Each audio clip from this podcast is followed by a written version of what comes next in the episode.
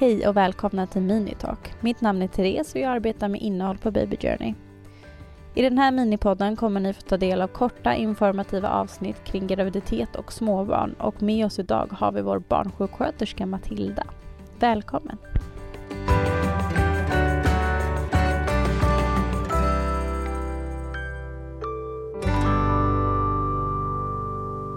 I dagens avsnitt ska vi gå in på flaskmatning och vad det kan innebära. För en del fungerar flaskmatningen bättre som heltidsmatning och för en del så gör man det som ett komplement till amningen. Hur ska man tänka kring flaskmatning och är det okej okay att innan förlossningen bestämma sig för att ge sitt barn mat via flaska? Självklart är det okej att bestämma att mata barnet på flaska istället för amning. För det är du som förälder som bestämmer hur du vill ge ditt barn mat. Eh, däremot kan det vara värdefullt att veta att man fortfarande kan ge bröstmjölk om man önskar det på flaska. Eller så väljer man att ge ersättning. Det bestämmer man också själv. Bör man vara orolig för att man tappar närhet eller den typen av kontakt med sitt barn om man väljer att inte amma?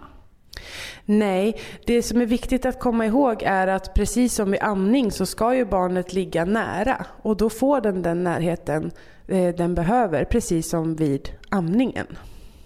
Tack. Vad är fördelarna med att flaskmata?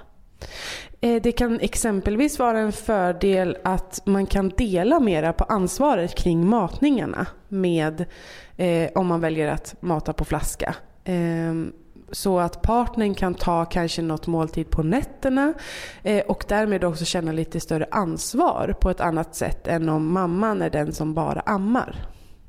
Tack. Är det någonting man ska tänka på om man väljer att flaskmata sitt barn? Och kan man kombinera amning och flaskmatning? Det finns ingenting specifikt som du ska tänka på.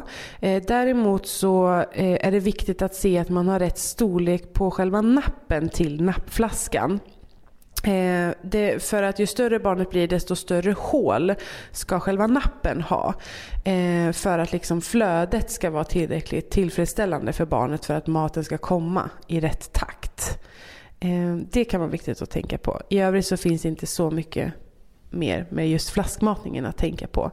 Däremot så kan du ju såklart eh, välja att både amma och flaskmata ditt barn. Tack. Eh, en del flaskor benämner ju antikolik på förpackningarna. Vad innebär det och är det så att det kan hindra att ett barn får kolik om man flaskmatar? Eh, det innebär att det inte blir riktigt lika mycket luft på samma sätt i själva nappen och i flaskan. Så att barnet sväljer inte lika mycket luft. Och eftersom man inte riktigt vet vad kolik faktiskt beror på eh, så kan det vara ett sätt att i alla fall eh, underlätta för barnet att inte få magknip på samma sätt. Men det är ingenting som man vet vetenskapligt bevisa motsatsen. Alltså att kolik inte kommer om du använder en antikolikflaska. Tack så mycket. Om man inte ger bröstmjölk, bör man då vara orolig över att barnet inte får i sig rätt näring? Nej, det behöver man inte vara. Eh, alla ersättningar som nu finns på marknaden innehåller de näringsämnen som barnet behöver de ersättningarna som finns på marknaden idag, är det någonting man kan dricka kallt eller måste det alltid värmas upp? Eller hur ser det ut?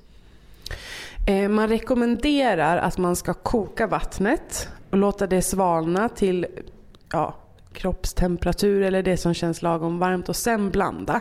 Och det beror på att man rekommenderar att alltid koka vatten eh, för att få bort eventuella mm, metaller som skulle kunna finnas i rören från våra kranar. Eh, men i övrigt så behöver man inte tänka på någonting mer. Tack så mycket. Tack för att du har valt att lyssna på Minitalk med oss.